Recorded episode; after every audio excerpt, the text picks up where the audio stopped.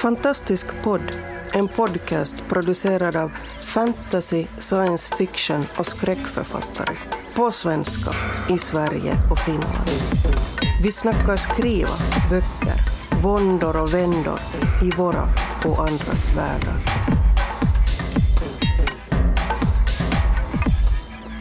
Hej och välkomna till ännu ett avsnitt av Fantastisk podd. Idag så är det Stockholmsteamet som är samlat och eh, jag heter Oskar Källner. Med mig har jag Boel Berman, Anders Björkelid och Erik Granström. Och eh, idag så tänkte vi prata om det här med eh, skrivrummet den plats vi är, där vi befinner oss när vi skriver. Och Boel, det, det var ju din idé. Du vill ju ta upp det här ämnet. Ska inte du liksom köra en liten introduktion till dina tankar kring det här med det skrivande rummet? Oj, ja. Um, jag tänkte nog mer om, om rum just, alltså vad, hur det ser ut där man skriver. Men jag menar rent krasst har jag skrivit som, som bäst ibland på en sandstrand eller på tunnelbanan där jag älskar att skriva. Tunnelbanan? Eh, ja. Är inte det lite eh, stökigt sådär? Men det är sjukt avslappnande, man, avslappnande att sätta sig i, i en tunnelbana och så åker man bara fram och tillbaka mellan slutstationerna. Det kan ju ta en hel dag. Okej, okej, okay, du är inte på väg någonstans alltså utan du nej, bara nej. har det här rytmiska gungandet. Och så. så. Så min första fråga är faktiskt, vad är den mest oortodoxa platsen ni tycker om att skriva på? Och om ni svarar duschen blir jag väldigt förvånad. ja. Erkänn nu. Jag vet inte om jag har något ställe om jag ska vara helt ärlig. Jag är nog tyvärr sådär tragiskt ortodox. Sådär. Okej, okay. hur är det ortodoxa? Nej, men det, alltså, alltså det ställen jag har skrivit på, det jag trivs, jag har skrivit ute på en sommaräng, jag har suttit nere på ett café, så här, superstereotypt nu, men på ett café och blickat ut över eh, Riddarfjärden nere vid Stockholm. Och, men annars så majoriteten av eh, den text jag producerat har ju varit antingen ja, på den tiden då jag, då jag hade ett eh, kontor. Det har ju inte längre nu när barnen har blivit flera. Eh, eller på pendeln. Eh, och, eh, men jag, jag, har faktiskt försökt skriva på, på tunnelbanan en gång och det gick inte alls för det var mycket mer uh, grejer som hände hela tiden. På pendeln kan man liksom sätta sig ner och liksom bara fokusera på sin laptop och så åker man sina 45 minuter eller vad det nu är för någonting och sen kliver man av och så är man liksom i sin lilla zon där under de minuterna. Tunnelbanan. Då har, du ju, då har du ju ändå skrivit i rörelse och att det har fungerat. Alltså, ja, på väg någonstans. Jo, och, och det funkar jättebra. Alltså det, det håller jag verkligen med om. Läste till och med någon artikel eh, i USA så var det väl eh, något tågföretag som eh, gjorde det som en, som en grej att de bjöd in författare gratis för att åka med deras tåg fram och tillbaka. Just bara för att det var så många som upplevde att de fick mycket och inspirerat skrivet just på tåget. Och det är väl flera grejer som har med det att göra att tåget är en avstängd miljö där ingenting kommer in och ut, liksom isolerad från världen. På folk också. Jag, jag är nyfiken på vad tågbolaget fick ut av detta. PR. Massor med PR. Men de kanske bloggade om att de skrev på tåg eller att de skrev tåg i en bok. Har inte att göra med det här liksom amerikanska sättet att se på tåg som ett lite sunkigare sätt att resa.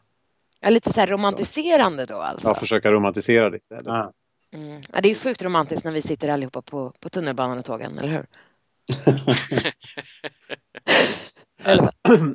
Kanske möjligtvis romantiskt om det hade sett ut som på Orientexpressen.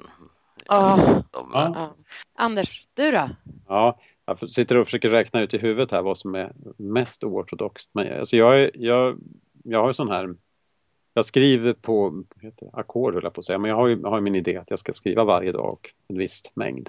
Mm. Det betyder ju att jag måste skriva på de ställen jag befinner mig på just då. Aha.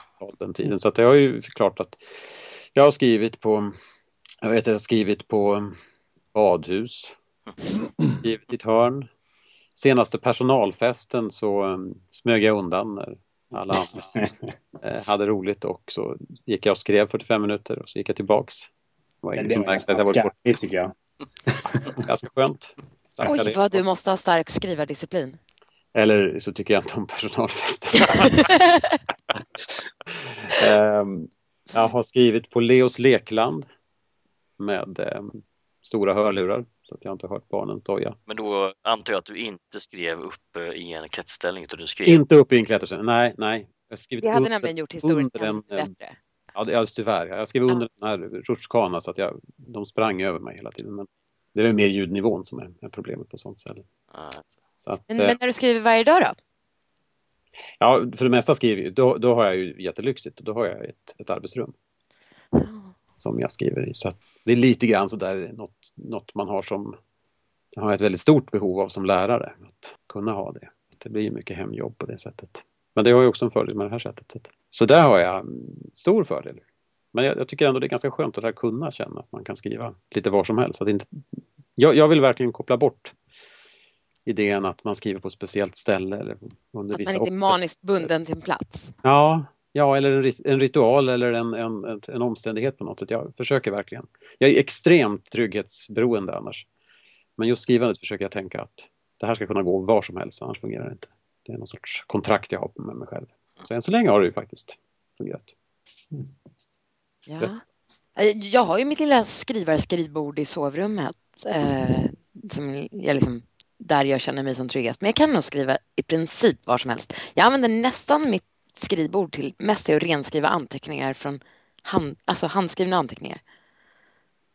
Tror jag. En renskrivningsmaskin. Ja, på datorn? Mm. Ja, just det. Så du skriver, du skriver från hand, för hand först? Oftast. Ja, ren manustext. Ja, ja, men det är för att det är ju bara för att jag hatar att redigera. Ja, jo, men det, då redigeras det när jag skriver in det. Ja, just det. Ja. Jag, jag, skrev faktiskt typ eh, två kapitel hand till eh, min första bok Drakhornet för typ, jag vet inte, sju, åtta år sedan på en semester i Grekland när jag inte hade med mig någon utrustning. Men eh, det var så drygt att skriva in det i datorn sen så jag har svårt aldrig mer någonsin i mitt liv skriva någonting för hand. det har jag inte gjort heller. Så jag är bara, det här, wow. Det här ska vi fortsätta prata om. Men Erik, nu får du berätta. Ja, sitter här och just lurkar. Alltså jag, lite sådär prestationsångest kände jag. Ungefär som när någon frågar vad är det mest spännande stället du haft sex på? och så sitter man och funderar. Så, kan man inte komma på något bättre? Matbordet ungefär. Och det, det är där jag skriver då. Intressant. Men ähm, jag sitter hemma vid mitt matbord och skriver kort sagt. Och det är ju Men det lite kanske är ett helt magiskt matbord. Nej, jag ska faktiskt köpa ett nytt nu, men jag vill ha en stor bräda liksom som är platt där jag kan lägga ut saker till höger och vänster. Så ett rejält tilltaget... Um, för jag har mycket böcker och sånt där. Jag vill gå och slå upp saker och titta på kartor och allt det där. Så att, men det är inte liksom, jag förstår det här Anders säger att man ska inte bli beroende av att vara tvungen så att säga, i en viss miljö eller att det måste vara, finnas eh, ja, tre äpplen i korgen och sånt där. Utan det är mer rent praktiskt att jag, jag tycker det är enklast att sitta där. Liksom. Jag vill gärna sitta och skriva ett par, tre timmar i sträck när jag väl börjar. För jag, liksom, det tar en stund att komma in. Däremot det här med att komma på saker, det, det tycker jag är väldigt viktigt att hela tiden ha med sig en lapp i fickan och kunna skriva upp saker. Och jag har, som, som jag nog har sagt tidigare, en whiteboard vid min säng. Jag vaknar ofta på nätterna och kommer på saker. Och då skriver jag ner någonting där som jag förhoppningsvis kan tyda på morgonen. Men just det här liksom att skriva in text på ett vitt papper, liksom text som hyfsat ska duga som, som någon slags litterär sida sen. Det, det gör jag alltid. Liksom. Jag så sitter jag ner rakt upp och ner liksom, mina grejer omkring mig och jag lyssnar på musik och allt det där. Men det är ingen ritual. Alltså det är mest att jag vill ha det praktiskt. Men, men, du skriver rakt in i datorn då? Eller har du papper på? Ja, jag har skrivit också. Jag skrev faktiskt min första roman. Jag är ju ganska gammal då. Så jag skrev min första roman med, med kulspetspenna. Mm. Och sen skrev jag in den med skrivmaskin när man fick tippexa och hålla på och klistra in bitar och sånt där. Så det, det, det är faktiskt en helt annan grej. Det, det, går, det är lite, då kan man inte hålla på och slänga runt som man gör nu då. Jag hade också en skrivmaskin en gång i tiden. Ja. Mm.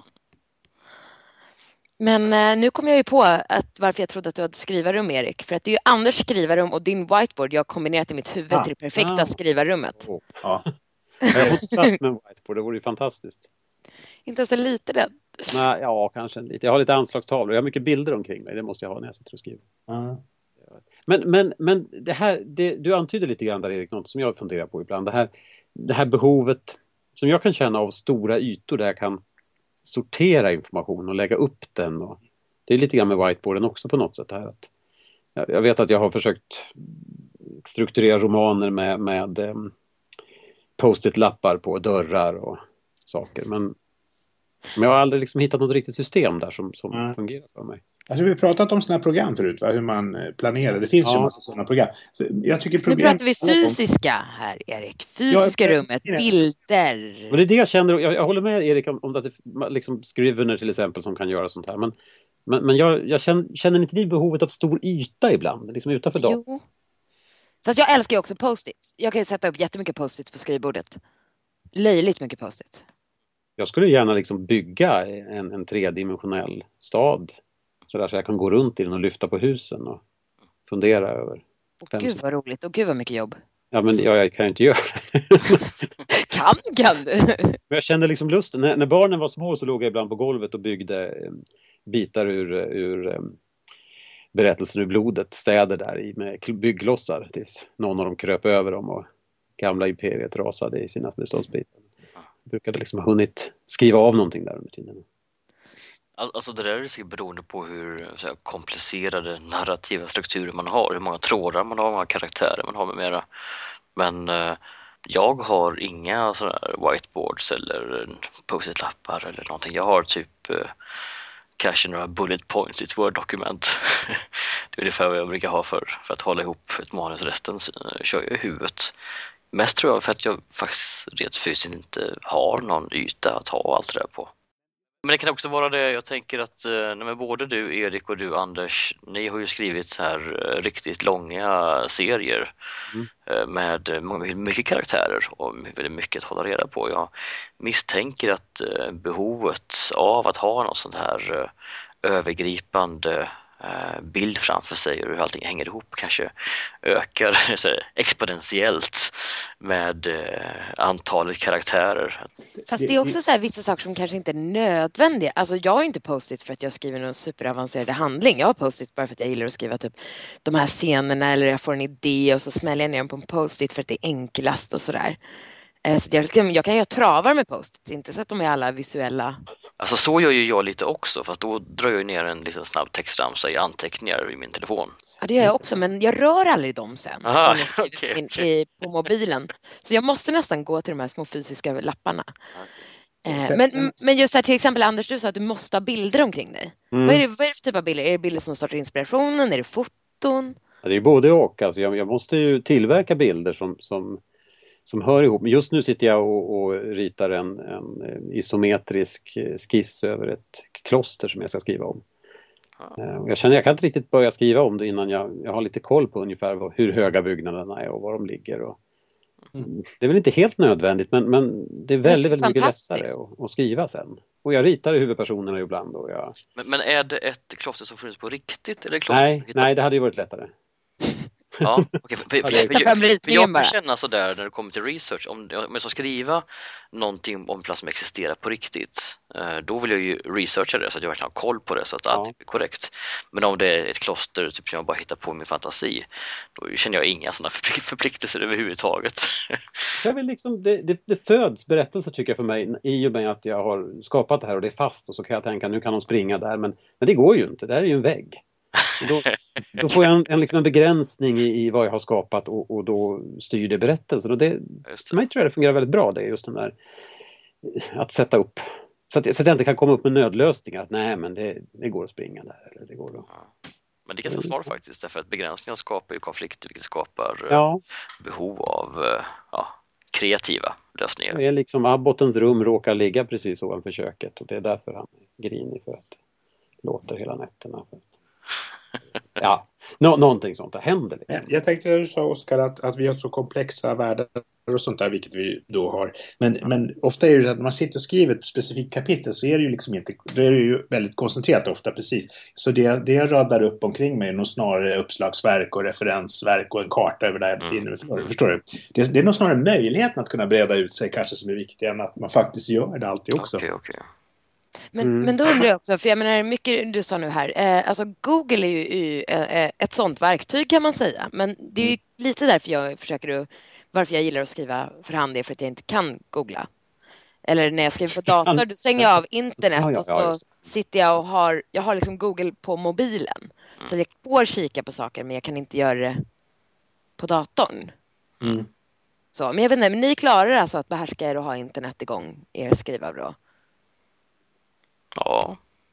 Erik? Alltså, jag, jag, jag skriver på ju en laptop så att det, är ju, det är ju inget problem att ha Google i bakgrunden. Jag kan tänka mig att det blir väldigt plottrigt på en telefon. Men, Nej, men jag menar att man liksom Men- tar men- över, att det tar över att man liksom bara, jag ska researcha lite eller nej, nej, nej. så Alltså, nej, seglar man iväg. nej. Ja, men ofta är jag på jakt på något specifikt. Det är inte så att jag sitter liksom och surfar runt om jag inte är på det humöret så att jag ännu inte kommer skriva något. Utan, Ja. utan det, då är det ofta något specifikt. Så här. Jag, jag har, lägger upp väldigt mycket såna här länkar då till saker som jag brukar liksom, ja, saker man återkommer till helt enkelt. Mm.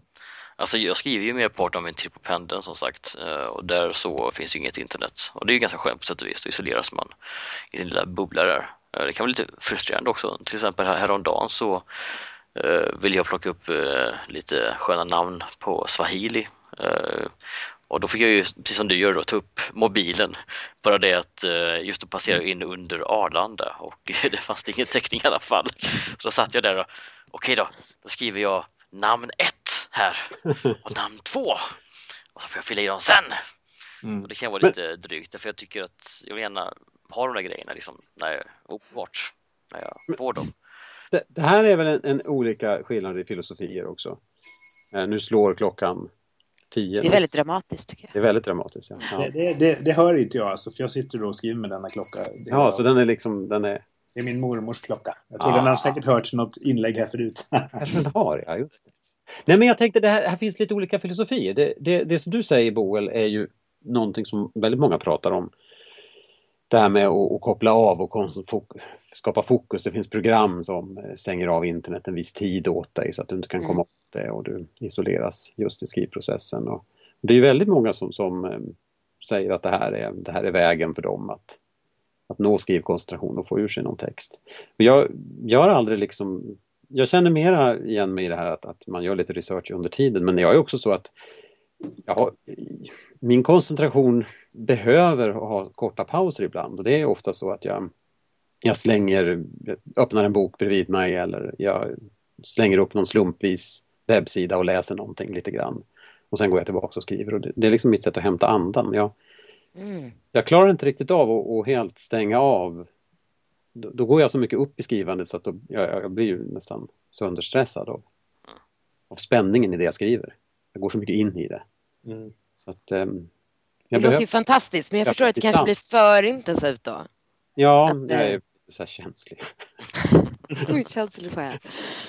Ja, jag vet inte. Jag behöver alltså, det är lite konstigt för att jag, för min del då så jag, jag måste, alltså jag vill gå in i, jag kan inte skriva om en miljö som jag inte befinner mig i så att säga mentalt.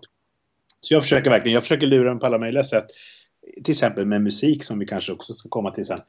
Jag har all, nästan alltid musik på när jag, när jag skriver och då väljer jag liksom spellistor efter vad det är för stämning i stycket. Jag försöker liksom suggera mig till den stämning jag vill ha. Jag sitter ofta med stearinljus om det, i alla fall om det är lite mörkt så här. Liksom för att få en bra Gud vad härligt det där lät. Ja, faktiskt. Ja, men alltså, jag kör också musik, jag kör också listor. Eh, när, jag, när jag skrev för ett spel då, då hade jag liksom bara listor som var Hellheim eller Freja eller Mm. alltså beroende på för att om jag lyssnar till 80-talspop så skriver jag på ett helt annat sätt än om jag lyssnar på liksom mörk synt eller hårdrock. Inte för att jag lyssnar så ofta på hårdrock men Gör du inte? oj. Jag lyssnar väldigt mycket på konstig gammal synt. Men hur länge skriver du? Erik, du säger att du skriver gärna tre timmars pass alltså. Ja, alltså det är så här. Det, sen jag... Jag jobbar ju inte med något annat utan jag gör ju det här så att säga, jobbar åt mig själv då. Vilket ju, jag vet- vet att det är väldigt lyxigt. Men innan det så jobbade jag ungefär tio år hemifrån också. Med, med dataföretaget MySQL då. Mm. Och då blev det samma sak där. att Jag jobbade ofta i tre timmars pass och sen gjorde jag liksom ett par timmars uppehåll för man hämtar barn på dagis och sånt. Och sen jobbar man på kvällen i ett pass. Så jag, jag tenderar liksom att dela in dagen i arbetspass om sådär två, tre timmar. Ja. Mm. Alltså det är ingen gräns utan det är ju lite, men det här rejäla pass. Ett förmiddag, eftermiddag, kväll är det ofta. Alltså, eh, nu hade jag en månad ledigt. Eh, Nu var jag i sig lite utarbetad och bara ville vila Mm. också så att jag kan ju inte påstå att jag var så här supereffektiv som jag borde ha varit. Eh, Men där var mitt dilemma, alltså, vi var uppe i Sveg, vilket var hemskt trevligt, men det var väldigt, väldigt mörkt större delen av dagen. Så om man ville fånga ljuset så behövde man ju komma ut där någon gång mellan Mm. 11 och halv tre. Mm. Och jag skriver som bäst från typ ja, sju på morgonen fram till kanske ett. Alltså inte i strikt pass, men det är då jag skriver som bäst. Om jag bryter det för en promenad så är det jättesvårt att hitta tillbaka. Eh, och jag vet inte varför, det är bara någon slags rutin antar jag. Du fick välja ljus eller skriva? Ja, men lite så. Alltså jag Ja, redigerade mer än vad jag skrev. Och, och sådär och bollade med idéer och har utkast. Men det blev väldigt lite det här att man verkligen försvann in i en scen eller värld. Men om du väl har alla förutsättningar då, alltså hur långt skrivpass har du då ungefär? Oj. Eh, det kan nog bli ett tag. Har ni liksom idealtid? Att ni, du, Anders sa det att du har en viss pensum liksom per dag. Ja, det är, det är ju inte det är inte ett idealpensum utan det är ju för att det, det är det jag klarar av med, med den Ja. tiden jag har tilldelat mig. Men jag märker ju att de dagar jag skriver, kan skriva på heltid då när jag har skrivit ehm, ja, vad kan, det, vad kan man säga, när jag har skrivit ja, 1500 ord ungefär sådär. Då, då, är det, då är det på gränsen liksom. Då måste jag göra någonting annat ett tag för att dels, dels så är jag Så jag får ju lite naturliga pauser för att jag är rökare måste jag erkänna. Ja, men det, ja, där har vi något. men det bryter inte. Det är inte ja, jag, tillräckligt jag lång tid. kex i och för sig. Det är nästan samma sak. Jag går ut i skafferiet och tar ett kex. Jättebra. Jag, jag ser en kexreklam som är sådär författare. Drivs av När du har skrivit 300 ord. Nej, men, nej, men alltså, jag, jag, jag känner mig rätt uppjagad efter ungefär sådär 1500 ord och känner att vi Mm. måste liksom, ta en paus. Och dessutom så, så känner jag också att idéerna har runnit till. Det är så mycket liksom tankar om hur jag skulle kunna fortsätta och hur, hur det skulle kunna bli. Att, att jag måste skaka om dem lite grann. Mm. Annars blir det för många trådar som föds. Mm. Varje ny mening skapar liksom någonting nytt. Jag behöver liksom sålla bort dem annars kommer jag att... Det, blir... Det blir... Men det, det är här jag känner att ni är så himla mycket mer strukturerade och, och duktiga än vad jag är. För att, jag menar, alltså, I Fruktan har de jättekul. Att jag kan skriva säkert tio texter på en dag som alla är 1500 sådär, ord eller någonting. För att jag har så här en gräns där jag bara, jag ska bara testa den här idén. Ja, ja. Och sen är det så här, ja men nu vet jag hur det funkade. Nu skriver jag någonting annat. Och det är så här, svårigheten för mig är att hålla kvar vid, vid den stora idén. När du skrev din, eh, din bok, Mm. eh, det måste ju varit den, den största utmaningen för dig då? Alltså, det, den var ju helt bisarr på det sättet att den skrevs ju på semesterresor. Ja. Och här har vi en fråga om plats. För att jag har nästan aldrig skrivit om en plats jag faktiskt i just då. Alltså vad som helst. Man är i Krakow så skriver man om det ett halvår senare när man är i Ja. Cornwall Mm. eller någonting. Mm. Jättesvårt att skriva om platsen. Alltså om man faktiskt skulle vilja ta miljön så är det att jag inte ser den förrän i retroperspektiv. Den nya människan hängde helt enkelt med. Och lite, lite efter. lite, lite efter. Precis. Jag har inte varit på alla de platserna tyvärr. Ja. Nej. Nej. Men det hade varit tufft. Alltså, det, det är ju också en fråga om plats och skrivande på något sätt som, som eh, man kanske liksom glider lite grann ifrån det här ämnet var man skriver och det, det är vad, vad platsen gör med det man skriver. Jag har ju skrivit två verk, ett seriealbum och nu har jag lämnat in en roman precis om, om Uppsala. Ehm, Spännande. Ja, det är, det är lite spännande. Ja. Ja, jag hoppas att förlaget tycker att det är en väldigt konstig bok. Vi. Ja, Jag gillar sånt. vi kan göra reklam för den här.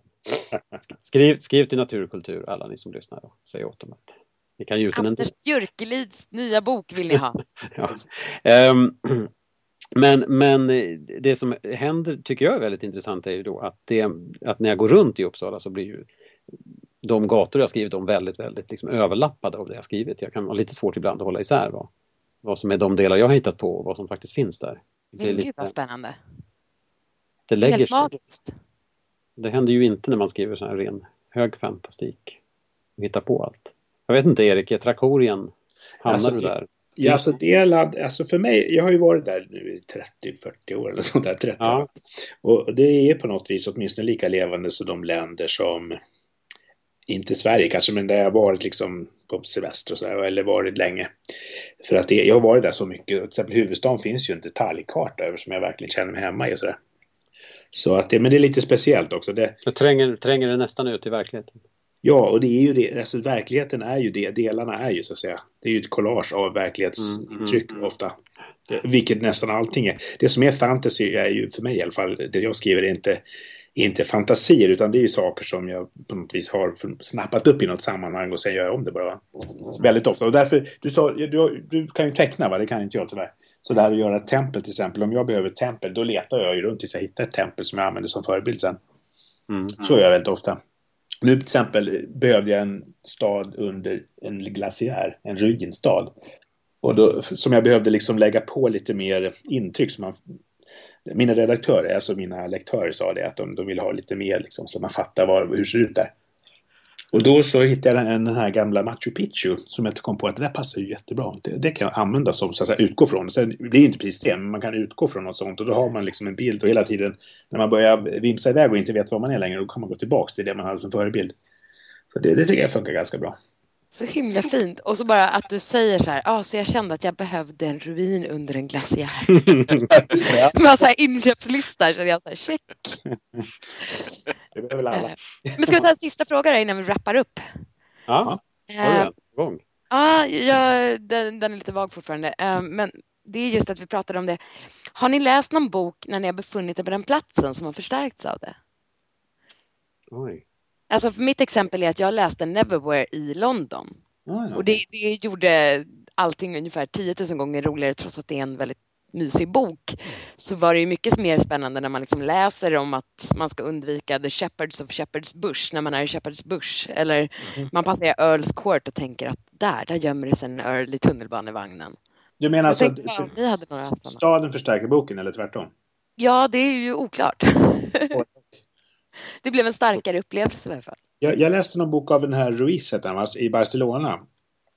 Och det, det, var ju ganska roligt. Barcelona är en stad jag gillar väldigt mycket och den, den är väldigt speciell eh, geografiskt. Med väldigt klara liksom, definierade strukturer som är väldigt underliga. Lång linbana ner upp till ett berg och så. Här. Och det, det, det, beskrevs ju då i denna bok så det tyckte jag, det tyckte jag tillförde någonting, det är absolut. Och den läste jag när jag var där då.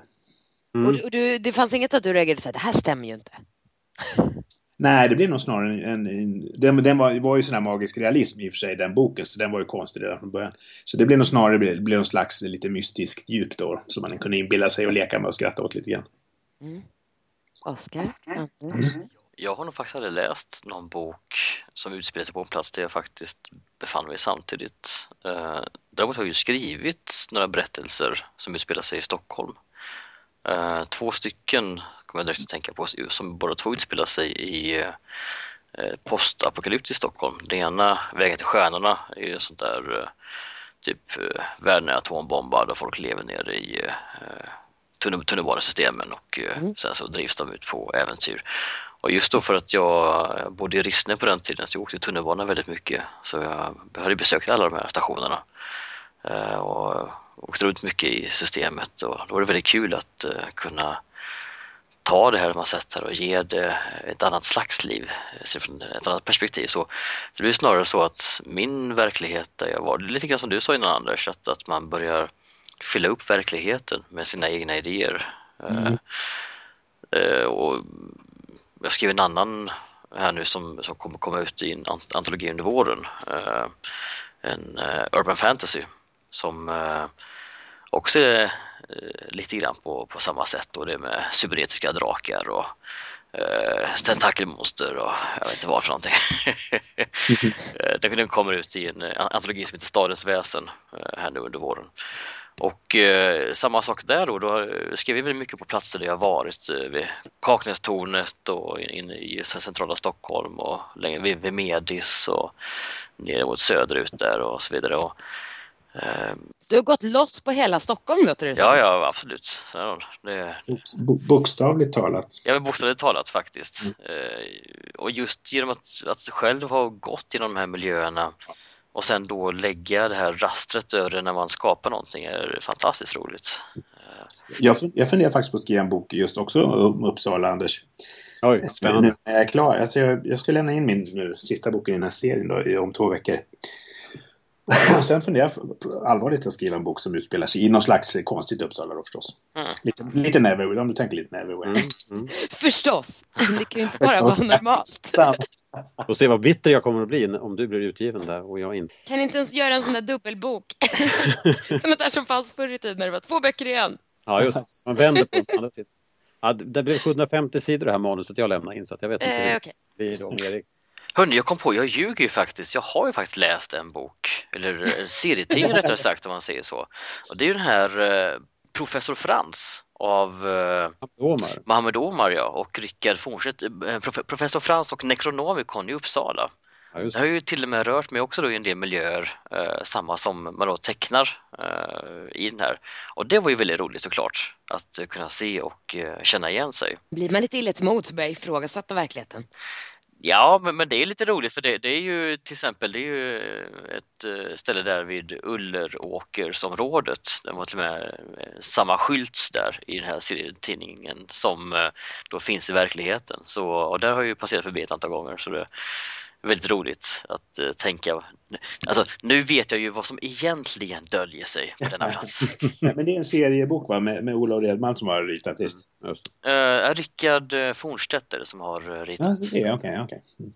Så, ja, Anders, du har inte svarat den på det. Ja, nej, jag tänker mm. också, det, jag, jag, är ju liksom lite grann i samma miljö när det gäller Uppsala där också med att ha Alltså jag har ju skrivit väldigt mycket om Uppsala när jag tänker efter. Jag skrev en rollspelssvit, en Lovecraftian rollspelssvit utspelat 1906 som i Uppsala.